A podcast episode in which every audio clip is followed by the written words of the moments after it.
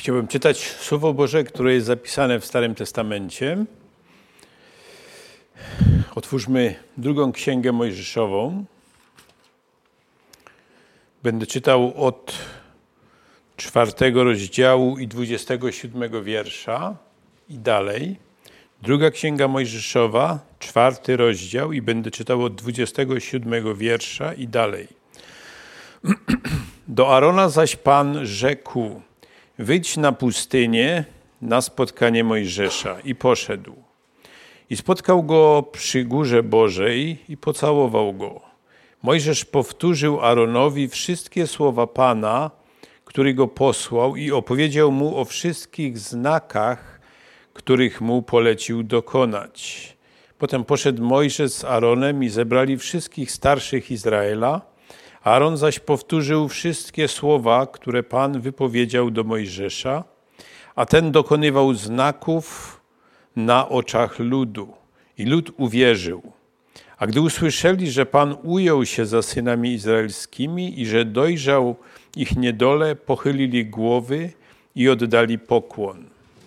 Potem Mojżesz i Aaron poszli do faraona i rzekli: Tak mówi Pan, Bóg Izraela Wypuść mój lud, aby obchodzili święto ku mojej czci na pustyni. A faraon rzekł: Któż to jest Pan, by miał go słuchać, by miał słuchać głosu jego i wypuścić Izraela? Pana nie znam, Izraela nie wypuszczę.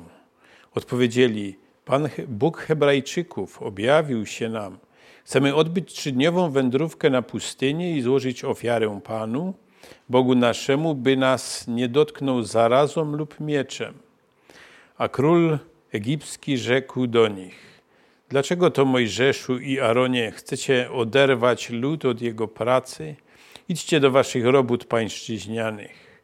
I rzekł jeszcze Faraon, oto teraz, gdy są liczniejsi niż ludność kraju, wy chcecie, żeby świętowali zamiast pracować? Tego samego dnia faraon rozkazał naganiaczom i nadzorcom, mówiąc: Nie dawajcie odtąd ludowi słomy do wyrabiania cegieł, tak jak poprzednio. Niech sami idą i zbierają sobie słomę. wyznaczcie im też tę samą ilość cegieł, jaką dotychczas wyrabiali, nic z niej nie ujmując, bo są opieszali i dlatego wołają: chodźmy, złóżmy ofiarę Bogu naszemu. Niech praca tych ludzi będzie cięższa. Niech nie będą zajęci, niech nią będą zajęci, a nie będą się zajmowali bredniami. Naganiacze ludu i jego nadzorcy wyszli więc i rzekli do ludu, mówiąc: Tak mówi faraon: Nie dam wam słomy. Sami idźcie, zbierajcie sobie słomę, gdzie znajdziecie, bo z pracy waszej niczego się nie ujmie. I rozszedł się lud po całej ziemi egipskiej, aby zbierać ścierń zamiast słomy. Naganiacze zaś przynaglali, mówiąc: Musicie wykonać codzienną waszą pracę, jak wtedy, gdy jeszcze była słoma.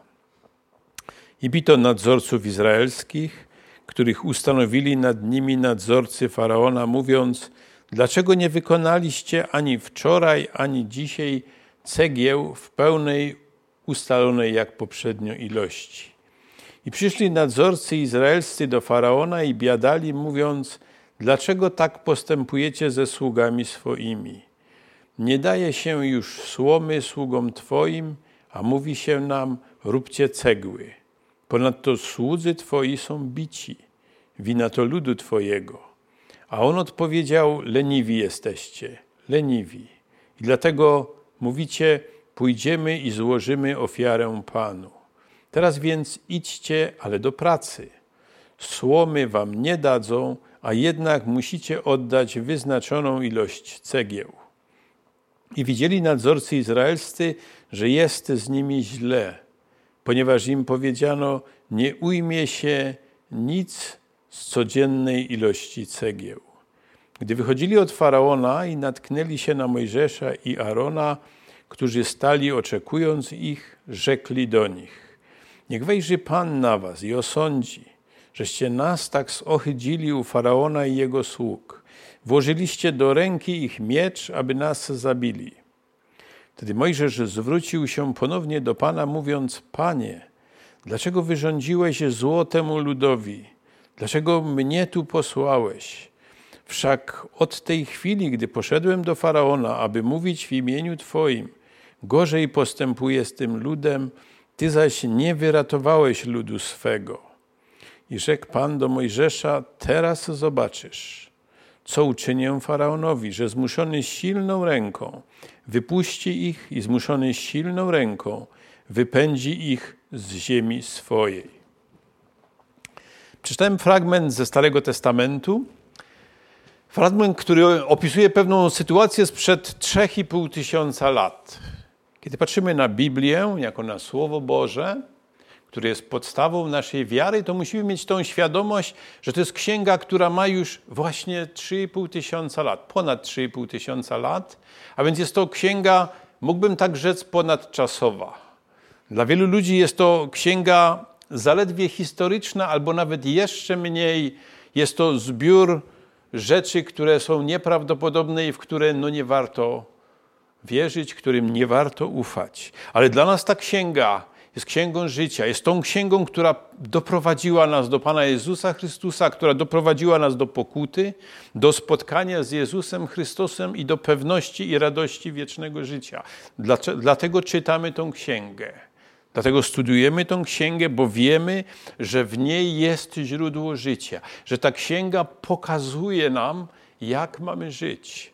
I ta historia, którą przeczytałem, historia sprzed 3,5 tysiąca lat, mimo że jest tak bardzo starą, to niesie w sobie przesłanie, które jest i dzisiaj aktualne. Ta historia pokazuje nam człowieka sprzed 3,5 tysiąca lat, który jest tak bardzo podobny do nas. Człowieka, który nie chce kłopotów. Człowieka, który chce się mieć dobrze. Człowieka, który z jednej strony chce wierzyć Bogu, ale z drugiej strony chciałby się jak najlepiej, najwygodniej w życiu ułożyć nie chce mieć trudności, nie chce mieć przeciwności, a jeśli są, to zaczyna mieć pretensje. I dlatego historia, którą przeczytałem, ona pokazuje nam ludzi tamtego czasu, którzy buntowali się przeciwko Bogu, którzy buntowali się przeciwko Mojżeszowi. Dlaczego? Bo było im gorzej.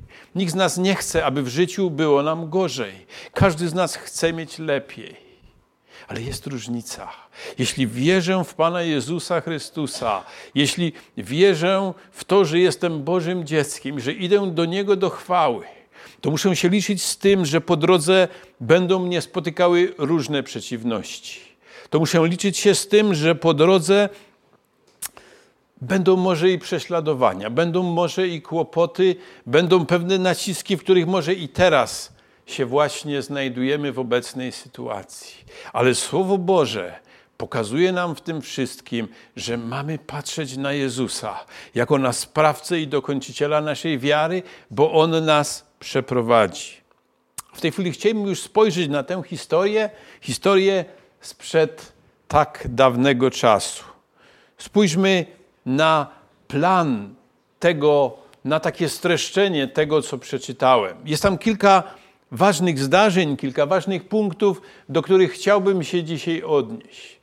W pierwszej fazie, że, żeśmy czytali jeszcze w, w rozdziale czwartym o spotkaniu Mojżesza ze starszymi Izraela. I to, jest, I to jest fragment, który otwiera tą historię, ten ciąg zdarzeń, który chciałbym u, omówić. A potem już w rozdziale piątym, pierwszych dziewięciu e, wierszach mamy opisane spotkanie Mojżesza z Faraonem bardzo ważne spotkanie, dlatego że ono pokazuje nam coś, co dzieje się w duchowym życiu, coś, co dzieje się jakby za sceną.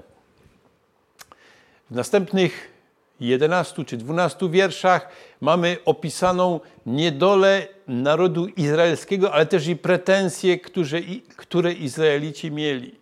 I co ciekawe, ich pretensje, ich narzekania skupiły się na ich przywódcy, na Mojżeszu, na tym, który prowadził ich do Boga.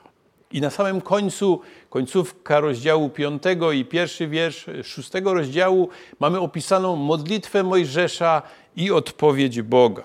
I tak na tą historię w tych kilku punktach chciałbym i dzisiaj spojrzeć, żebyśmy mogli razem coś wziąć z tej historii, abyśmy mogli wziąć pewne wskazówki do naszego codziennego życia, a także aby to pomogło nam zrozumieć pewne duchowe rzeczy, które się dzieją poza jakby światem naturalnym. Kiedy chciałbym przyjrzeć się tej historii, to zobaczmy na początku, e, jakie są kluczowe postacie tej historii, jakie, jakie kluczowe postacie, osoby są jakby zaangażowane, opisywane w tej historii. W zasadzie mamy cztery. Pierwsza to jest taka bardziej zespołowa, to, jest, to są ludzie z narodu izraelskiego, no, których się tyczy ta historia, którzy przeżywali to, co czytałem w tej historii, przeżywali tą sprawę wyrobu cegieł, coraz większego obciążenia pracą, bicia, prześladowania. Następną osobą w tej historii jest faraon jako pewne usposobienie zła, bo tak byśmy go mogli określić. Wreszcie kluczową e, postacią tej historii jest Mojżesz, który, e, który był przywódcą, o którym też chcę coś powiedzieć, i na końcu ten, który jest najważniejszy, czyli wszechmogący Bóg. Ten, który nie tylko patrzy na to wszystko, ale ten, który zarządza tym wszystkim. Tak się cieszę z tego psalmu, który brat przeczytał, bo ten psalm pokazuje nam na Bożą wielkość. Ten psalm pokazuje nam na ogrom Boga, a także na Jego miłość do człowieka i na Jego dzieła stworzenia.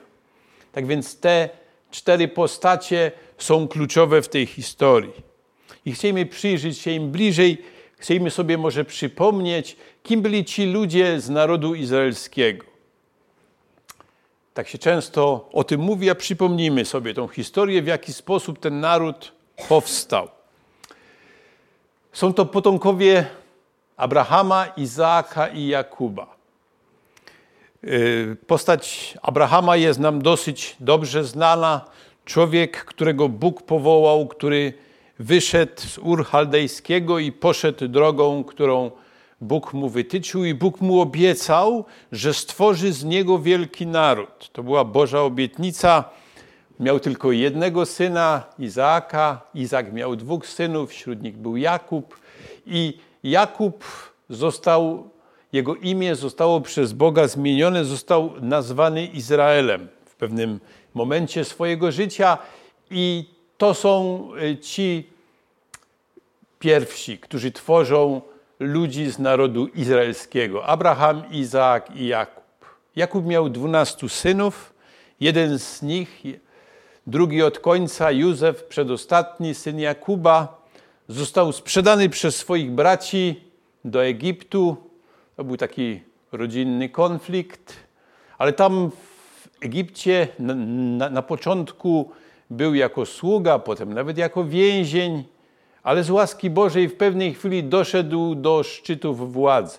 Doszedł do samego faraona, o, wyjaśnił mu, wytłumaczył mu sen, który miał.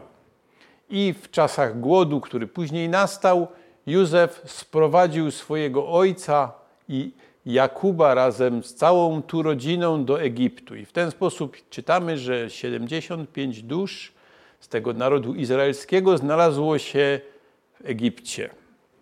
To, co jest ważne, to na początku, dopóki, dopóki jeszcze żył Józef, to Izraelici byli dobrze traktowani przez Egipcjan, dano im ziemię, dano im bardzo dobre możliwości rozwoju. Jednak z upływem czasu stali się niewolnikami w Egipcie.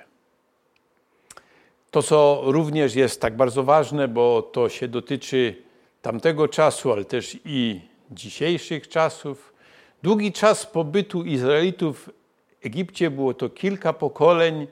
Wpływ kultury egipskiej, wpływ, wpływ egipskich wierzeń sprawiał, że ta wiara ojców Abrahama, Izaaka i Jakuba stawała się coraz bardziej wiarą historyczną, a nie rzeczywistością. Ich wiara stawała się taką wiarą bardziej nominalną. Ale tak jak mówi Boże Słowo, kiedy było im, kiedy już byli tymi niewolnikami, kiedy było im ciężko, to oni wołali do Boga. Wołali do Boga o ratunek, wołali do Boga, Boga Abrahama, Izaaka i Jakuba. I co ważne, zostali wysłuchani.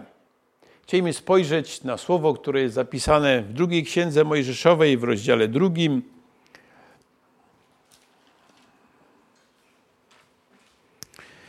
W wierszach 21, 23 do 25, które pokazują nam ten moment wysłuchania tej modlitwy od 23 wiersza. Po upływie długiego czasu umarł król egipski. Jednak Izraelici jęczeli z powodu ciężkiej pracy i narzekali, a ich wołanie o pomoc z powodu ciężkiej pracy dotarło do Boga. I, usłyszał Bóg ich narzekanie i wspomniał Bóg na swoje przymierze z Abrahamem, Izaakiem i Jakubem. I wejrzał Bóg na Izraelitów, Bóg ujął się za nimi. Ta historia, którą, którą żeśmy przeczytali, to był właśnie ten moment, kiedy oni wołali o ratunek i zostali wysłuchani. Bóg ich ojców, Bóg Abrahama, Izaaka i Jakuba, czytaliśmy, wspomniał na obietnicę, którą dał Abrahamowi, że uczyni z niego wielki lud, a także, że da im tą ziemię kananejską w posiadanie, wysłuchał ich i zaczęło się coś dziać. To może tyle wstępnie, jeśli chodzi o naród izraelski. A teraz spójrzmy na faraona jako na tą drugą postać, e, która występuje w tej historii. W zasadzie no możemy tak powiedzieć, że była ona takim ucieleśnieniem zła, przeciwników, przeciwnika, nawet szatana. E, na tej poprzedniej planszy miałem takie trzy gwiazdki zaznaczone, jeden, dwa i trzy.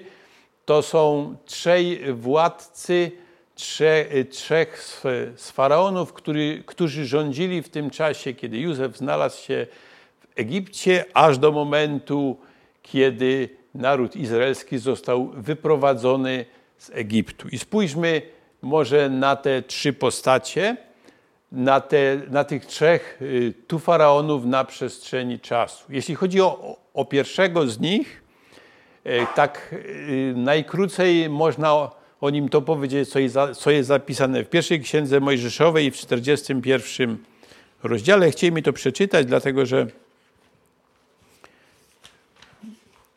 każde czytanie tu Bożego Słowa powoduje wzrastanie naszej wiary, przybliżanie się do Niego. Pierwsza księga Mojżeszowa, 41 rozdział, przeczytam 38 werset i niżej. Tutaj czytamy o tym pierwszym faraonie. Rzekł tedy faraon do dworzan swoich: Czy moglibyśmy znaleźć innego męża, który miałby ducha Bożego tak jak ten? Do Józefa zaś faraon rzekł: Skoro Bóg oznajmił ci to wszystko, nie ma nikogo, kto by tak, kto by był tak rozsądny i mądry jak ty. Ty będziesz zarządzał domem moim, a do poleceń twoich będzie się stosował cały lud mój, tylko tronem będę wyższy od Ciebie. Ten fragment pokazuje nam ten moment w historii, kiedy Józef, który był jako niewolnik, nagle dochodzi do szczytu władzy, a było to wtedy, kiedy ten władca miał sen i nikt nikt nie był w stanie wyjaśnić mu tego snu. A wtedy ktoś sobie przypomniał, że jest taki więzień Józef, który kiedyś wykładał moje sny. Józef został sprowadzony szybko z więzienia i Józef wyjaśnił sen, który miał faraon. I faraon był tym zdumiony.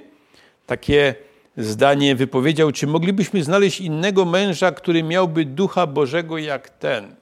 Spójrzmy, że ten świecki władca, ten właśnie faraon był zachwycony tym, co, tym, kim był Józef, a właściwie kto przez tu Józefa mówił, bo mówił o Duchu Bożym, który mówił przez Józefa. Tak więc to był człowiek, to był władca, który był przyjazny Józefowi, zgodził się na sprowadzenie jego, jego krewnych do Egiptu, dał im najlepszą ziemię i wtedy to był ten pierwszy okres, kiedy potomkowie Jakuba Izraelici się mieli tak bardzo dobrze w Egipcie.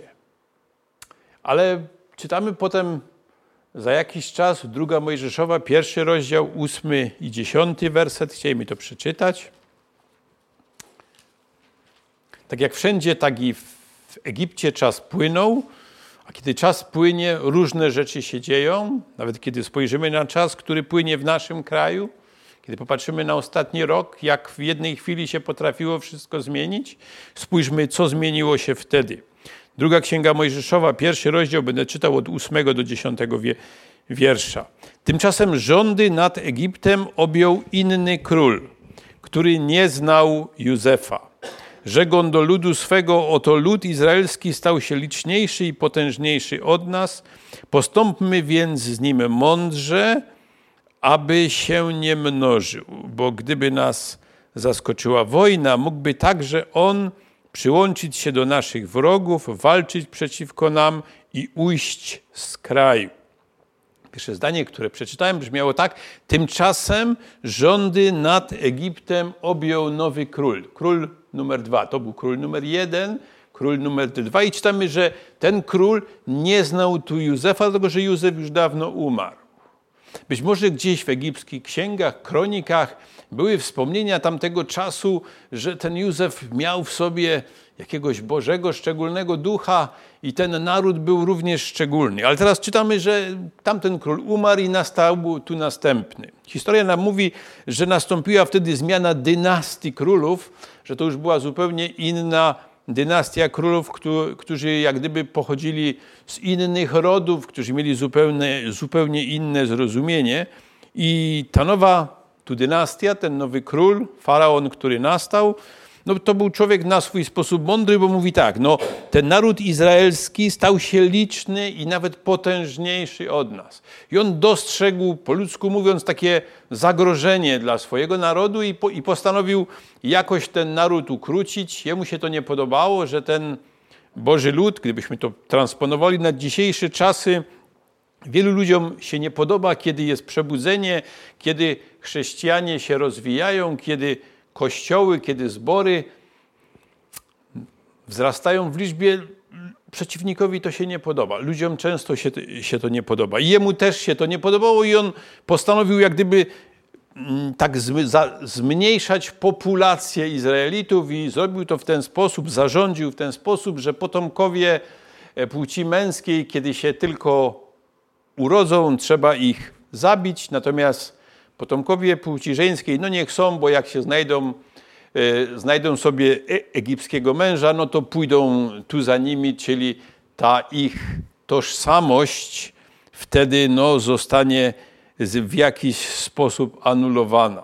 Taki no, bardzo bezwzględny sposób, czyli on zaczął prześladować Izraelitów, dążył do eksterminacji i właśnie w tym czasie też na świat przyszedł Mojżesz, cudowny sposób został tu zachowany, a potem Mojżesz musiał przed tymże królem uciekać. To był drugi król, drugi z faraonów i wreszcie trzeci, o którym czytamy w drugiej Mojżeszowej, drugi rozdział i 23 werset.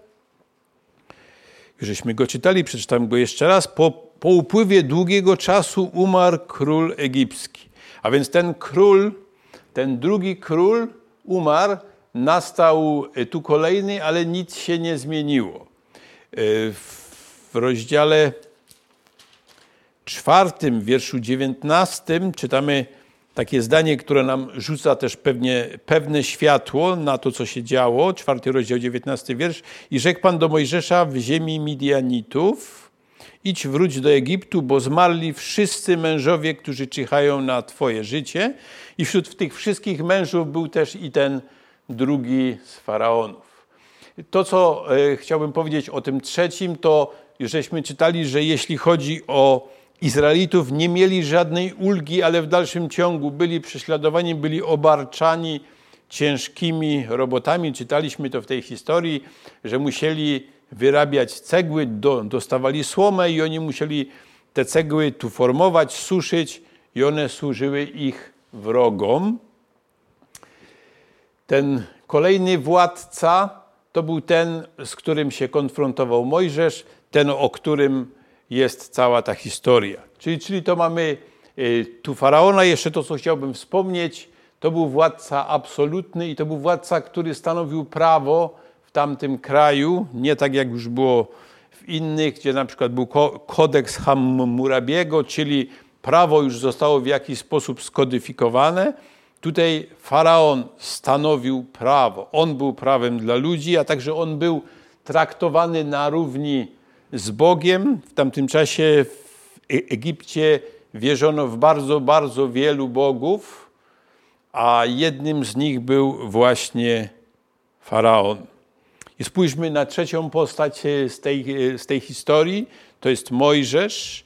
Mojżesz, człowiek, który został wybrany przez Boga do wykonania tego szczególnego zadania, do wyprowadzenia Izraela z Egiptu. I kiedy, ponieważ jest to postać, którą no generalnie bardzo dobrze znamy, możemy tak powiedzieć, że w jego życiu było trzy okresy. Pierwszy okres w życiu Mojżesza, pierwszych 40 lat, kiedy skończył, wtedy poczuł się na tyle silny, że postanowił dokonać takiej próby i na własną rękę, na własnych tu warunkach chciał uwolnić Izraela. Ta próba no, zakończyła się fiaskiem, on musiał uciekać i przez następne 40 lat swojego życia był na pustyni, gdzie pasał trzody swojego teścia. Może ktoś z Was tu pamięta, chyba dwa miesiące temu, albo nawet dawniej, no mówiłem o tej historii teścia i, teścia i zięcia. To, była, to był ten okres pustyni, kiedy Mojżesz e, pasał owce i kiedy Mojżesz miał lat 80, to przeżył takie szczególne spotkanie z Bogiem. Ja tu sobie chciałem to zaznaczyć, że to przeżycie, które Mojżesz miał z Bogiem, było przeżyciem przemieniającym. To było przeżycie, które całkowicie przemieniło Mojżesza. 80-letni człowiek, który ostatnich 40, ostatnią połowę życia, czy drugą połowę życia spędził z owcami, a nie z ludźmi, nagle miał prowadzić cały naród, który liczył kilka milionów ludzi, ale przedtem Bóg mu dał przeżyć coś szczególnego. Kiedy Bóg spotkał się z nim, kiedy Bóg przemawiał do niego, to Bóg mu, mu powiedział: A teraz, teraz jest ten czas, że teraz posyłam cię, abyś wybawił Izraela. I Pan Bóg dał mu to zadanie, które było takie bardzo sprecyzowane, miało takie bardzo konkretne kroki, jak to ma wyglądać. Chcielibyśmy zobaczyć w Bożym Słowie, mamy to zapisane, jak wyglądało to Boże zadanie dla Mojżesza po tym spotkaniu. I chcielibyśmy tu zobaczyć do Bożego Słowa, dlatego żebyśmy nic nie przekręcili. Druga Księga Mojżeszowa, trzeci rozdział, czytamy wersety 16 i 17, które brzmią tak, to są słowa Boga do Mojżesza. Idź, zgromadź starszych Izraela i powiedz im, Pan Bóg ojców waszych objawił mi się. Bóg Abrahama, Izaaka, Jakuba, mówiąc, patrzyłem na was, na to, co wam czyniono w Egipcie, postanowiłem więc, że wyprowadzę was z niedoli egipskiej do ziemi Kananejczyków i Hetejczyków i Amorejczyków i Peryzyjczyków i Chiwijczyków i Jebuzejczyków do ziemi opływającej w mleko i miód. To jest pierwsza część przesłania, którą Mojżesz usłyszał od Boga. I spójrzmy na ten wiersz 16. Mamy tu takie elementy tego przesłania. Po pierwsze, Mojżesz otrzymał polecenie idź. Nie stój w miejscu, nie cofaj się, ale idź. Następne, tu polecenie, zgromadź starszych Izraela i kiedy ich zgromadzisz, to powiedz im coś szczególnego. W przesłaniu, które Mojżesz miał, po pierwsze miał im powiedzieć coś takiego. Pan, Bóg ojców waszych objaw, objawił mi się. Bóg Abrahama, Izaaka i Jakuba, mówiąc, patrzyłem na was. A więc Mojżesz miał świadomość, że jego 40 lat nie było już w tym Egipcie i ludzie go nie znali. Gdyby miał przyjść po 40 latach, to jedynie starsi ludzie mogli coś sobie przypominać, młodsi mogli coś słyszeć. Natomiast Pan Bóg mówi: powołaj się na mnie. Powołaj się, że to ja, wszechmocny Bóg, ale jednocześnie Bóg Abrahama, Izaaka i Jakuba, waszych przodków, tak jak żeśmy to mówili, ja cię posyłam. A więc ta legitymacja, to upoważnienie było bardzo mocne. Mało tego, Pan Bóg przekazał y, tutaj Mojżeszowi, żeby im powiedział tak: Ja widziałem, patrzyłem na was i na to, co wam czyniono w Egipcie. Wydawałoby się takie zwykłe zdanie, ale to zdanie pokazuje wielką rzecz. Przypomnienie Izraelitom, przypomnienie mnie i Tobie, że Bóg patrzy na Ciebie i Bóg patrzy na mnie. Bóg patrzy na nas. Bóg wie, w jakiej dzisiaj jesteśmy sytuacji. Bóg wie, co nas dzisiaj dotyka. Bóg wie, jakie dzisiaj mamy przy, przeciwności. Patrzyłem się na Was i na to, co Wam czyniono w Egipcie. Przypomnijmy sobie takie zdanie, które tak powiedział tu Pan Jezus Chrystus, nawet włosy na waszej głowie są policzone. To jest to, co usłyszał Mojżesz. Pan Bóg wszystko widzi. Przed Jego oczami nic się nie ukryje. Również to, co przeżywamy dzisiaj. Kiedy czasami chcielibyśmy sobie więcej ponarzekać na te dzisiejsze czasy, to uprzytomnijmy sobie to, że Pan Bóg widzi to że Pan Bóg z jakich względów to dopuścił. Pan Bóg ma jakiś cel w tym, że to jeszcze jest. I to jest ta pierwsza rzecz, którą Mojżesz miał przekazać dla Izraelitów. Bardzo, konkretnie, bardzo konkretne przesłanie. W wierszu tu 17 żeśmy jeszcze czytali, że Bóg postanowił, że teraz ich wyprowadzi, że wyprowadzi ich z tego Egiptu, z tej niedoli. Czyli była też ta nadzieja. W 18 wierszu tak czytamy, to jest już jak gdyby następna część tego przesłania, a gdy usłuchają głosu Twego. A więc Pan Bóg, kiedy powiedział to Mojżeszowi, aby przekazać to przesłanie, to jak gdyby daje szansę tym ludziom, żeby oni mogli to posłuchać, żeby mogli się nad tym zastanowić i żeby to mogli przyjąć albo odrzucić. Pan Bóg dał człowiekowi wolną wolę. Człowiek może przyjąć albo odrzucić.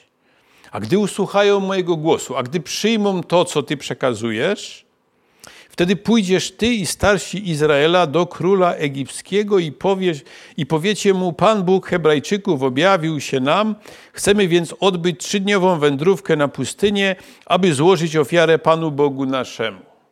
Jeżeli będzie akceptacja, będzie zgoda, będzie zmiana, to wtedy ty z Aaronem i starsi pójdziecie do faraona i przekażecie mu to, co ja powiedziałem, że ma ich wypuścić.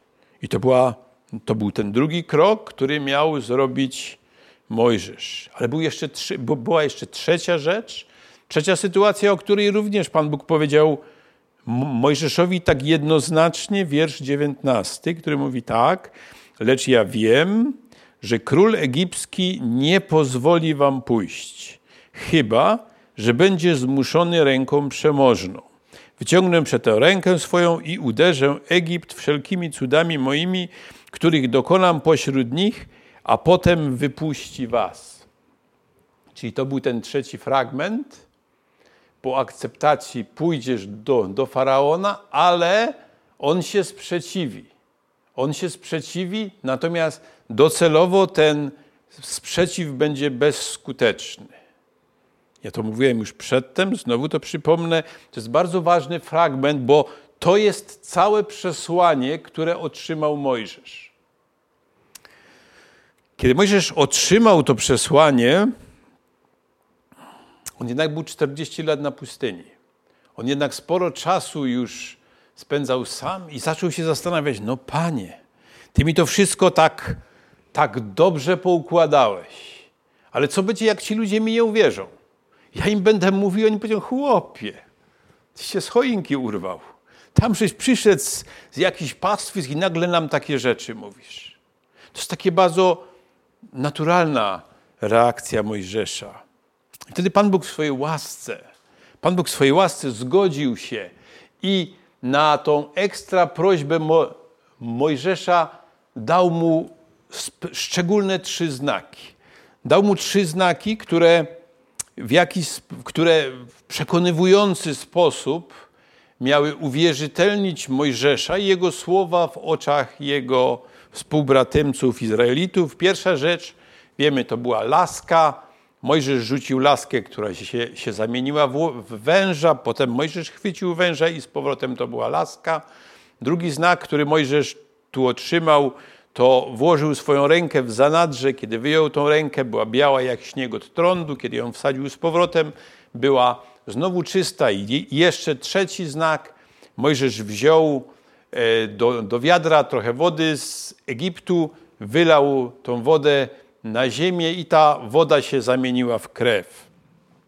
Pan Bóg jakby zgodził się z tymi wątpliwościami, które miał Mojżesz i dał mu jeszcze takie specjalne ekstra trzy znaki i uzbrojony w przesłanie, uzbrojony także w te znaki, dzisiaj by, no, no byśmy my powiedzieli cuda, e, Mojżesz zgodził się i poszedł na spotkanie ze starszymi Izraela. I ta historia, którą przeczytałem po takim większym wstępie, ale dzięki temu, że ten wstęp jest taki dłuższy, to możemy jak gdyby łatwiej nam pojąć sens tej historii. No zobaczmy teraz to, co, to, to, co żeśmy czytali, jak przebiegało spotkanie e, Mojżesza ze starszymi Izraela. To było od 27 wiersza. Mojżesz, tak żeśmy czytali, powtórzył Boże przesłanie, pokazał także cuda i znaki od Boga. Gdybyśmy chcieli przenieść się 1500 lat później, Pan Jezus Chrystus też tak robił. Pan Jezus Chrystus dawał przesłanie ludziom, a temu przesłaniu towarzyszyły znaki i cuda.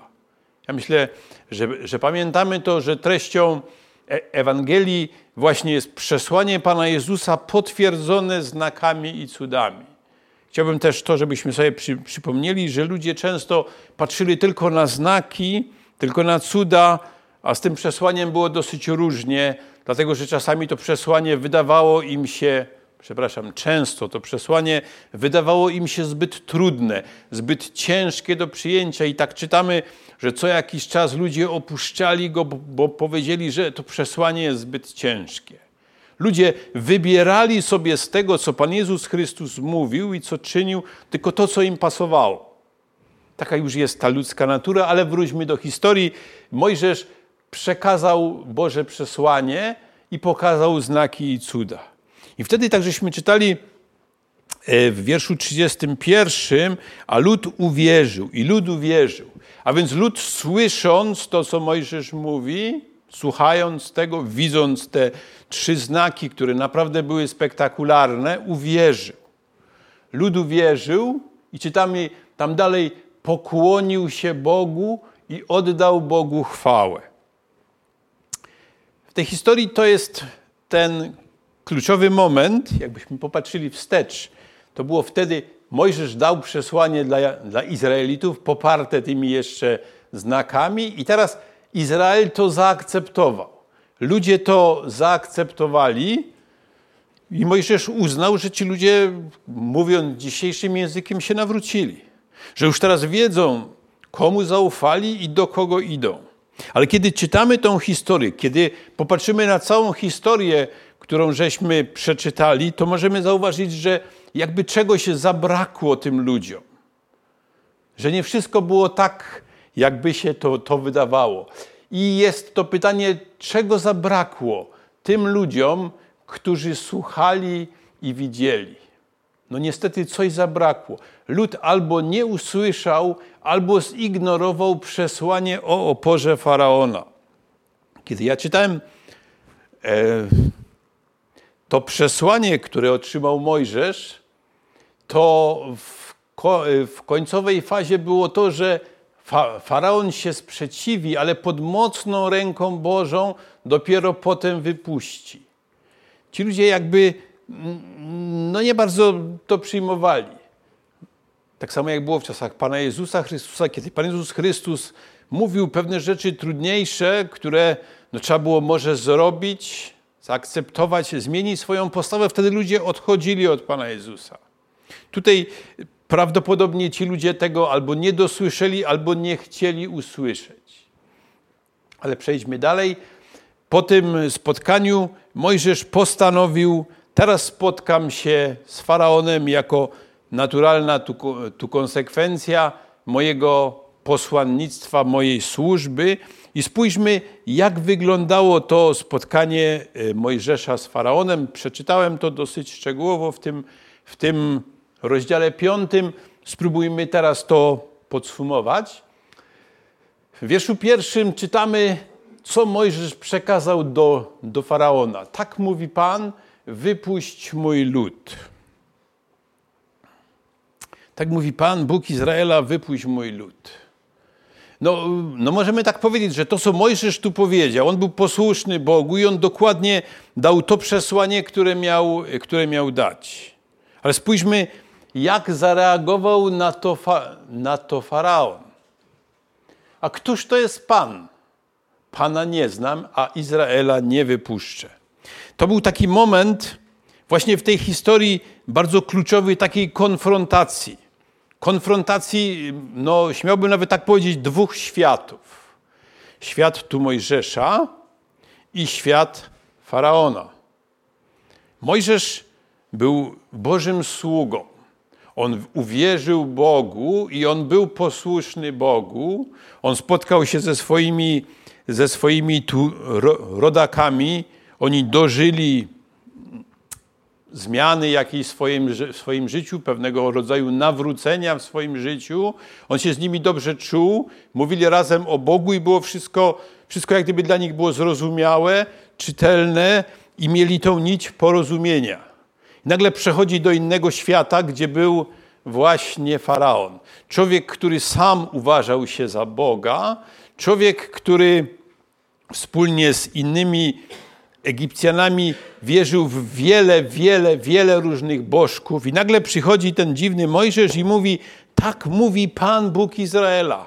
I nic dziwnego, że, że, że faraon postawił to pytanie: Któż to jest Pan?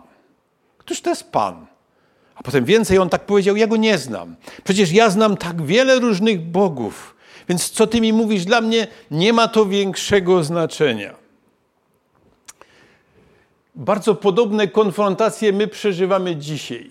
Kiedy chcemy komuś świadczyć o Bogu, kiedy komuś chcemy świadczyć o Panu Jezusie Chrystusie, to zderzamy się z taką, z taką ścianą i pierwsze to, co słyszymy, jest tyle religii, tyle wyznań, tyle różnych bogów. A skąd ja mogę wiedzieć, że to, co Ty mówisz, akurat to jest ten prawdziwy Bóg? To jest takie zderzenie, z którym każdy z nas się spotyka, kiedy świadczy o Bogu, o Panu Jezusie Chrystusie. I dlatego tych pierwszych pięć wierszy z tego piątego rozdziału chociaż było 3,5 tysiąca lat temu, pokazuje, że dzisiaj jest dokładnie to samo, albo inaczej, że wtedy było dokładnie to samo, co dzisiaj. Człowiek się nie zmienił, człowiek w swojej pysze nie chce przyjmować przesłania o żywym Bogu, Bogu Jahwe, Bogu, który się objawił przez Pana Jezusa Chrystusa człowiekowi. I dlatego takie były słowa notu faraona: Któż to jest Pan?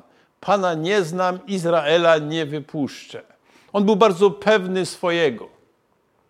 Jego pojęcie istoty Boga się totalnie różniło od pojęcia istoty Boga, którą miał Mojżesz. Dlatego dla mojego własnego życia, ja wierzę, że dla, dla, dla waszego życia jest tak bardzo ważnym, abyśmy mieli to właściwe zrozumienie istoty Boga. Kim naprawdę jest Bóg, którego my uwierzyliśmy że to nie jest jeden z wielu, ale to jest Bóg Jahwe. Psalm ósmy, który żeśmy słyszeli, on nam mówił o tym prawdziwym Bogu Stworzycielu. O tym Bogu, który jest alfa i omega, który jest początek i koniec. I my potrzebujemy jako, jako ludzie wierzący, aby właściwie pojmować istotę Boga. A kiedy my właściwie pojmujemy istotę Boga, wtedy my będziemy mogli skuteczniej przekazywać to dalej. Ale wróćmy do tej historii. Fa Faraon absolutnie się nie zgodził, chociaż Mojżesz powtórzył, że Bóg Izraela mu się objawił, im się objawił, stąd mają taką prośbę. Faraon pozostał głuchy na tą prośbę, ale powiedział coś takiego: Wy chcecie, się od, wy chcecie oderwać lud od jego pracy. Wy chcecie świętować zamiast pracować. Nie, nigdy w życiu. On się na to nie zgodził.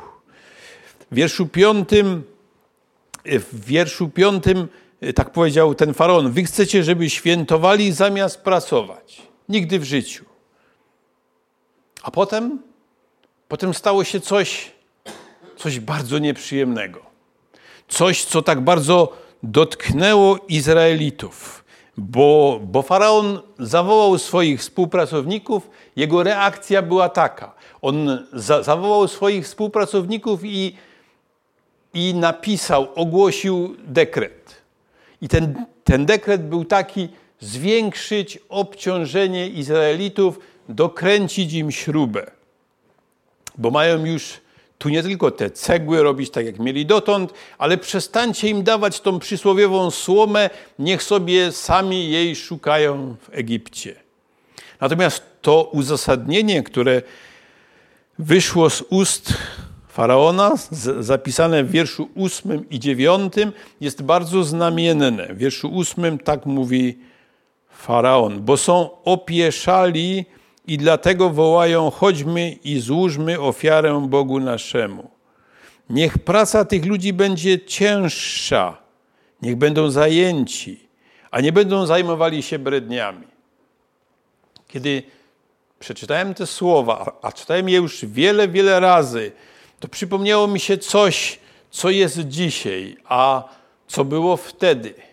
Gdybyśmy, y, gdybyśmy czytali różne chrześcijańskie czasopisma, to czytamy o obozach pracy reedukacyjnej w Korei Północnej czy w Chinach. Tam ludzie są zmuszani do bardzo ciężkiej pracy, bo tak jak mówi tamtejsza władza, oni mają głupoty w swoich głowach, bo wierzą w jakiegoś Boga.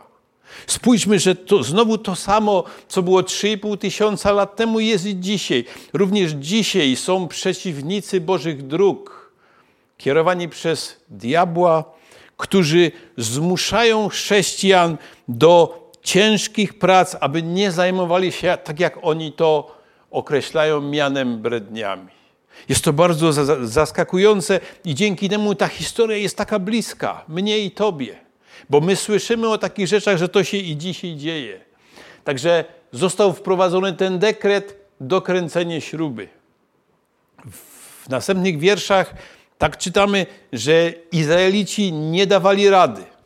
Tak jak to czytamy w następnych wierszach, przez dwa dni żaden z nich nie wyrobił swojej normy, bo nie potrafili tego wszystkiego razem zebrać i w związku z tym e, byli także bici. Byli bici za brak wykonania normy. A więc po tym, kiedy Mojżesz spotkał się z faraonem, to Izraelitom zaczęło dziać się gorzej, bo nie tylko, że praca była cięższa, ale byli jeszcze bici. Jak gdyby spotkało ich za to wszystko jeszcze dodatkowe prześladowanie. I teraz spójrzmy. Człowiek, który dostaje dodatkowe ciężary, który jest bardziej przyciskany, no, szuka jakiegoś wyjścia, szuka rozwiązania, co jest zupełnie naturalne, że kiedy mamy trudności, kiedy się nam źle wiedzie, to szukamy rozwiązania. I chcemy spojrzeć, w jaki sposób w jaki sposób Izraelici szukali rozwiązania. Ja to tak sobie zatytułowałem Niedola i pretensje Izraelitów do Mojżesza. Zaraz do tego dojdziemy. Po dwóch dniach tej ciężkiej pracy Izraelici zwrócili się do faraona w wierszach 15 i 16 i tak mu mówią: Mamy za dużo pracy, biją nas i pytają, czemu nas tak gnębisz? No, to są bardzo naturalne pytania. To są bardzo naturalne pytania, bo jeszcze trzy dni temu ich praca była ciężka, ale dawali rady, a teraz przestali tu dawać rady i pytają się, co się dzieje. Co się dzieje? A, a faraon im tak odpowiada: Jesteście leniwi. Chcecie składać ofiary Panu. Macie iść do roboty. I w dziewiętnastym wierszu tak czytamy, że Izraelici zrozumieli, że faraon się nie ugnie że się nie cofnie, czyli że oni dalej będą w takiej ciężkiej pracy. Kiedy spojrzymy na to, na tą rozmowę, a przede wszystkim na intencje, które, e, które mieli ci starsi Izraela, to możemy zobaczyć jedną rzecz. Jeden ich wielki, podstawowy błąd. Oni nie zwrócili się do Boga, tego, do którego się nawrócili. Przecież kilka dni wcześniej, kilka dni wcześniej oni się de deklarowali, że uwierzyli. Oni pochylili swoje głowy, oni oddali Bogu pokłon. I Mojżesz miał przekonanie, że z nimi już jest wszystko dobrze, że oni już są na tej wąskiej drodze i że już idą za Bogiem. A teraz nagle się okazuje, że oni zamiast do Boga, to poszli, poszli do, do tego świata, wręcz do przeciwnika i tam próbowali znaleźć rozwiązanie. A potem, potem nastąpiła konfrontacja z, z Mojżeszem. E, w 20 wierszu tak czytamy, gdy wychodzili od faraona, natchnęli się na Mojżesza i Arona, którzy stali oczekując ich. Spójrzmy jeszcze na, na, na to miejsce, bo ono pokazuje coś, czego, czego nie powiedziałem wcześniej. Mojżesz i Aaron wcale się nie ukryli. Oni wręcz czekali na nich. Oni widzieli to, że oni sami tam poszli do, no do faraona, że coś tam z nimi mieli jakąś tu rozmowę i teraz czekali na spotkanie z nimi. Ja nie wiem, czego oczekiwali, ale wiem, co się stało, bo stała się rzecz taka dziwna. Spójrzmy, w wersetach 20 do 21 czytamy, w jaki sposób Izraelici zwrócili się do Mojżesza i do Arona. Trzy rzeczy, starałem się to pogrupować. Pierwsza rzecz, niech Pan wejrzy na was i osądzi was. To przez was Faraon nas gnębi. Wy daliście Faraonowi powód do dalszych sankcji względem nas. Ja myślę, że, że Mojżesz różnych rzeczy mógł się spodziewać, ale tego się nie spodziewał, bo wszystko jest was, was, was, wy z powodu was. A więc e, w tym momencie Izraelici zogniskowali swoją frustrację, swoją, swoje żale, swoje kłopoty, winiąc Mojżesza. Nawet nie Pana Boga, ale winili tu Mojżesza, bo Ty, Mojżeszu, nam dałeś to przesłanie, bo Ty, Mojżeszu, pokazałeś nam znaki, bo Ty, Mojżeszu, zachęciłeś nas do tego. To jest Twoja wina i mówi, niech Pan Bóg Cię nawet za to osądzi. W innych przekładach jest to napisane jeszcze ostrzej.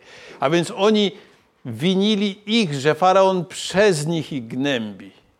I że to oni dali powód tu dla Faraona. Ja myślę, że oni postąpili jak ludzie naturalni. Oni postąpili jak ludzie, którzy kompletnie nie znali Bożego Słowa. Powód był brak poznania Boga i Jego Słowa. Oni jakby tego, oni w ogóle nie chcieli przyjmować pewnych rzeczy. Oni nie, nie chcieli przyjmować bądź nie usłyszeli tego, co Mojżesz im powiedział, ale faraon będzie się sprzeciwiał. Ja owszem, po pewnym czasie go y, zmuszę do tego, ale na początku będzie sprzeciw. Ta sytuacja jest y, dosyć często u ludzi, których wiara jest mało ugruntowana, którzy za mało przebywają w Bożym Słowie, którzy za mało ufność położyli w Bogu, a szukają ufności, szukają pomocy w człowieku. I tak też było wśród tych ludzi.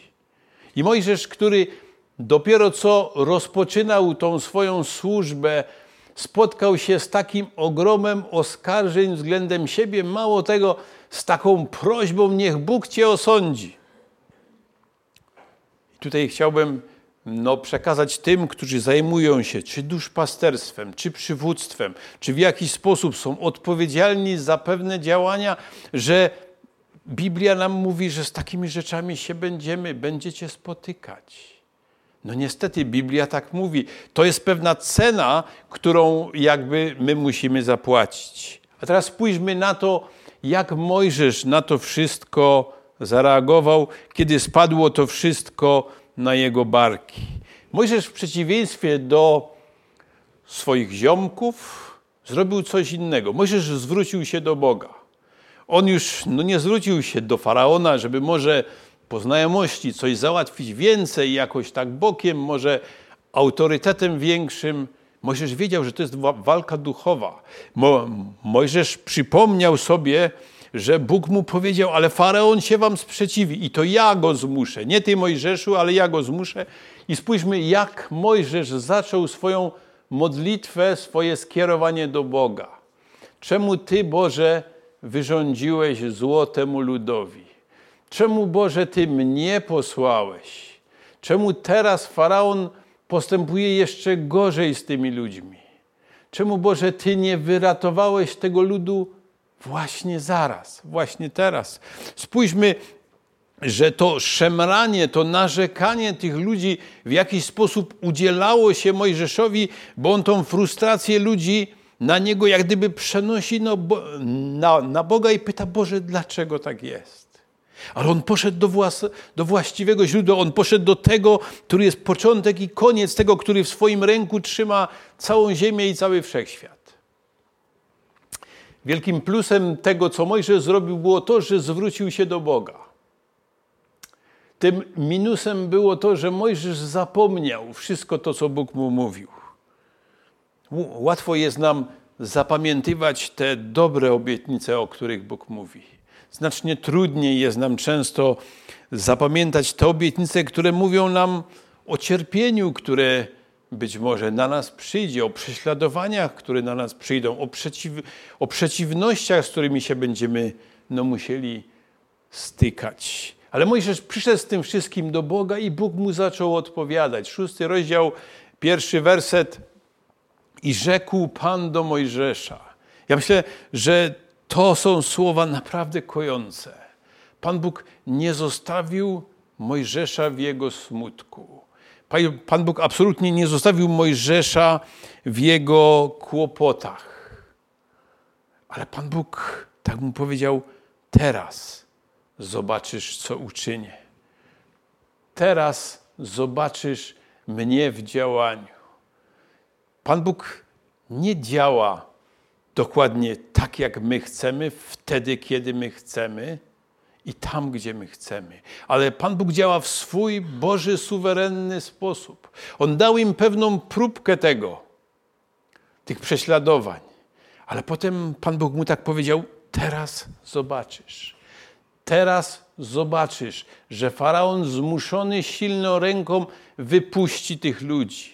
I potem Pan Bóg dalej rozmawiał z Mojżeszem. Cały szósty rozdział to jest taka ro, ro, rozmowa, jaką Pan Bóg ma dla Mojżesza. Również fragment rozdziału siódmego. I wśród, tych, wśród tego, co Pan Bóg przekazał dla, dla Mojżesza, są dwie bardzo znamienne obietnice. Szósty rozdział i werset siódmy mówi tak Pan Bóg do Mojżesza. I poznacie, żem ja Pan Bóg, że ja Pan Bogiem waszym, który was uwalnia od ciężarów nałożonych przez Egipcjan. Pan Bóg mówi i poznacie.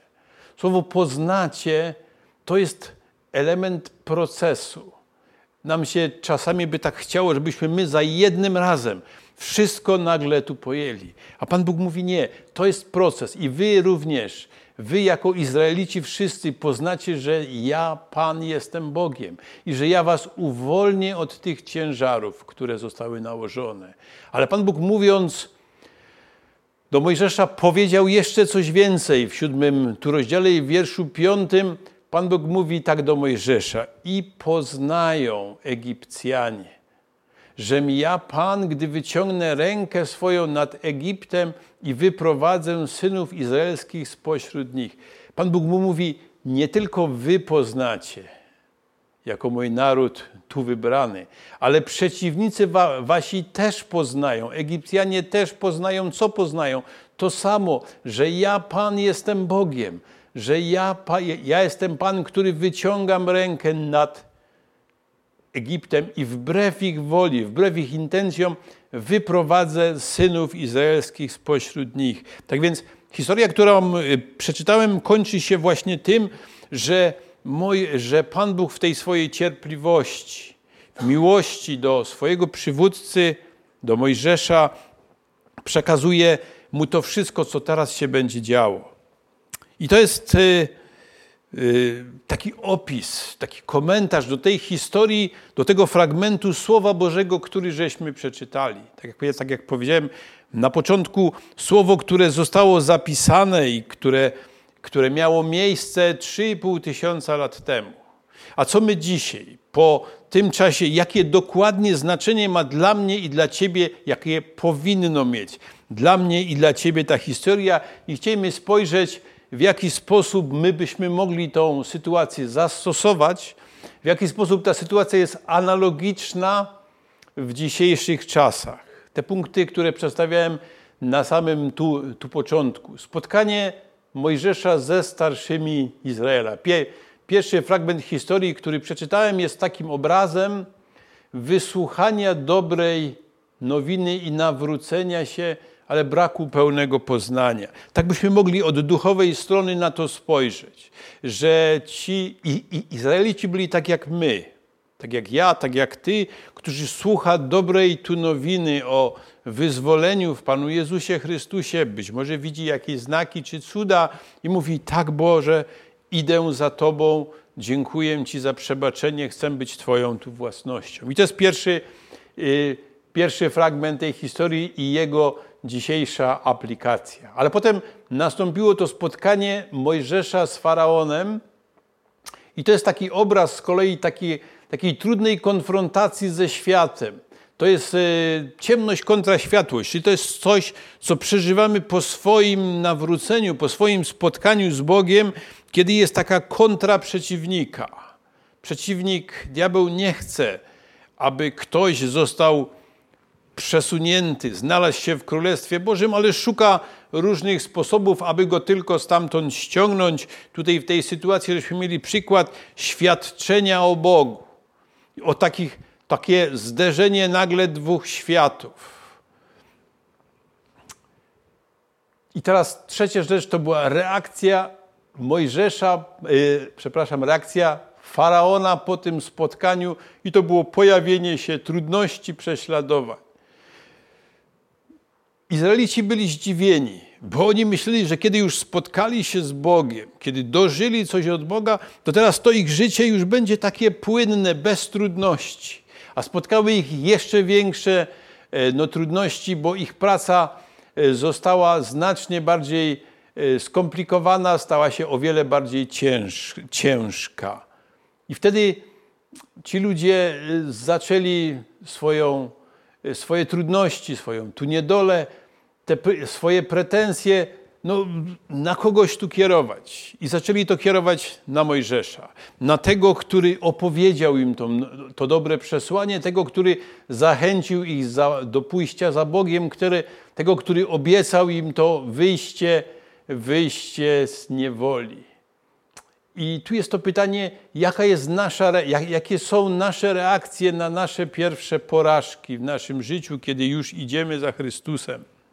Czy my nie obwiniamy no, czasami naszych przywódców, czy my nie obwiniamy Boga, ale nigdy siebie. Tak bardzo często, kiedy mamy trudności, to próbujemy tą winę zrzucić na kogoś innego, zamiast wejrzeć w siebie, zamiast popatrzeć i szukać rozwiązania w Bogu, to szukamy go najpierw w świecie, tam go, tam go nie znajdujemy, potem patrzymy na, na naszych przywódców i mówimy, o to może oni nas źle prowadzą, może oni źle nas tu kierują, źle próbują kształtować no, naszą wiarę i nasza, nasza frustracja się jakby na nich tu y, chce odegrać. Tak to mamy w tej historii i czasami tak jest w naszym życiu. I ta ostatnia rzecz, modlitwa Mojżesza i odpowiedź Boga, te, to często właśnie ci, którzy przyprowadzają innych do Chrystusa, ci, którzy w jakiś sposób zajmują się duszpasterstwem, zajmują się pomocą innym ludziom, oni spotykają się właśnie z takimi przeciwnościami, ale oni wtedy idą do Boga. Mojżesz też poszedł do Boga i chociaż tak skarżył się przed Bogiem, to Bóg mu dał taką obietnicę nadnaturalnej pomocy i powiedział mu: Teraz zobaczysz. I to jest ta obietnica, z którą chciałbym siebie i nas wszystkich zostawić. Teraz zobaczymy. Bóg troszczy się o nas. Bóg tak bardzo konkretnie to powiedział, co oni zobaczą, co zobaczą i Izraelici. Bóg mówi, bo tak muszę kształtować Twoją wiarę. Poznanie Boga jest procesem. Poznanie Boga nie jest bez bólu. Nasza wiara rodzi się w bólach. Nasza wiara rodzi się w prześladowaniach, w trudnościach. To jest ten element, który nieodłącznie towarzyszy naszej wierze, który, który hartuje naszą wiarę, ale także który powoduje, że nasza wiara wzrasta. I na koniec chciałbym jeszcze, żebyśmy zobaczyli, jak bardzo paralelny jest Nowy Testament ze Starym Testamentem. Ta historia, którą przeczytałem w Starym Testamencie, ona ma takie, takie potwierdzenie, taką kontynuację również w Nowym Testamencie. My w Nowym Testamencie widzimy te wszystkie rzeczy, o których żeśmy czytali w Starym Testamencie. Ja, ja wybrałem cztery takie po, postacie w Nowym Testamencie. Przede wszystkim Pan Jezus Chrystus, ale także Paweł, Jan i Piotr, ci apostołowie Pana Jezusa Chrystusa, co oni nam mówią na temat trudności, co oni nam mówią na temat zła, które czasami nas spotyka. I spójrzmy wpierw przede wszystkim na słowa Pana Jezusa Chrystusa zapisane w Ewangelii Jana w rozdziale 16 i werset 33. Pan Jezus mówi tak: To powiedziałem wam, abyście we mnie pokój mieli. Na świecie ucisk mieć będziecie, ale ufajcie, ja zwyciężyłem świat. Te słowa Pana Jezusa Chrystusa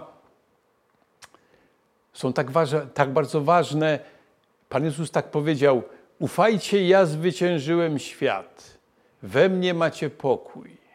Ale jednocześnie, no tak Pan Jezus tu powiedział, ale na świecie ucisk mieć będziecie. I, I teraz to, co jest dla nas tak bardzo ważne w kontekście historii, którą żeśmy przeczytali. Pan Jezus przekazał całą prawdę, bo mówi o tym, że On jest źródłem i dawcą pokoju. On mówi, aby Jemu ufać, bo On świat zwyciężył.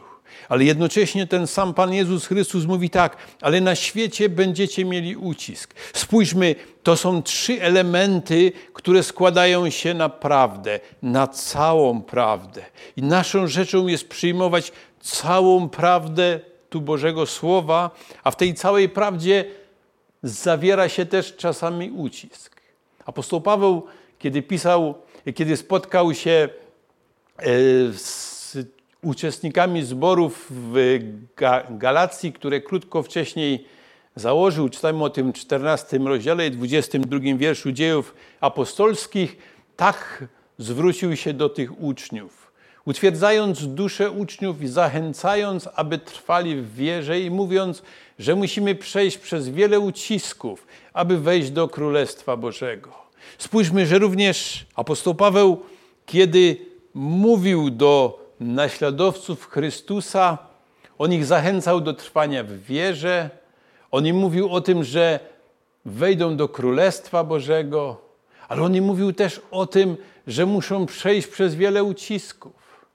A więc on tu nie mówił tylko o trwaniu w wierze, on nie mówił tylko o aspekcie przyszłym tego Bożego Królestwa, ale mówił także o uciskach, przez które oni muszą przejść. Czyli znowu ta prawda, jak gdyby zawiera wiele elementów. I nam nie wolno wybierać sobie pewnych, ale my mamy brać wszystkie z nich, bo to wszystko zostało nam obiecane w Bożym Słowie.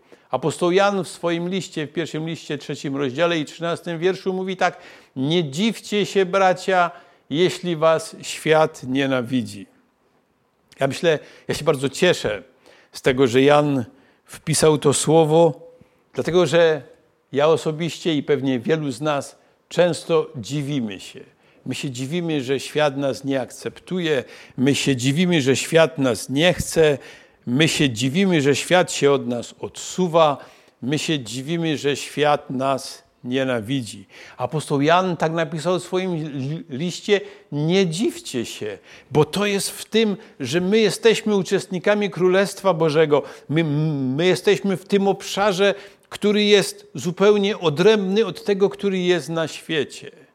I wreszcie czwarta postać, apostoł Piotr, który tak pisze w swoim liście, pierwszy list, pierwszy rozdział. We, weselcie się z tego, ze zbawienia, mimo że teraz na krótko, gdy trzeba, zasmuceni bywacie różnorodnymi doświadczeniami, ażeby wypróbowana wiara wasza okazała się cenniejsza niż znikome złoto w ogniu, wypróbowane ku chwale i czci i sławie, gdy się objawi Pan Jezus Chrystus. Spójrzmy, że znowu Piotr, kiedy pisze swój list, to mówi tak. O objawieniu się Pana Jezusa Chrystusa, mówi o tym, aby się radować ze zbawienia, mówi o wypróbowanej wierze, ale mówi też o tym, że ta wypróbowana wiara jest efektem tego, że jesteśmy zasmucani różnorodnymi doświadczeniami. Tak więc Nowy Testament potwierdza nam, utwierdza nas w tym przekonaniu, że to, co Bóg ma dla nas przygotowane, jest dobre, chociaż nie zawsze jest przyjemne. To, co się działo w tej historii, którą przeczytałem, ona jest ważna, ta historia, bo ona pomaga mi zrozumieć, że Bóg jest niezmienny, że Bóg się nigdy nie spóźnia. Nawet jeśli dopuszcza jakieś rzeczy, jeśli dopuszcza jakieś trudności, także i te, które my mamy dzisiaj, to Bóg o nas nie zapomniał. Ale Bóg ci mówi, Bóg mówi mnie i tobie, teraz zobaczysz, co ja uczynię. Amen.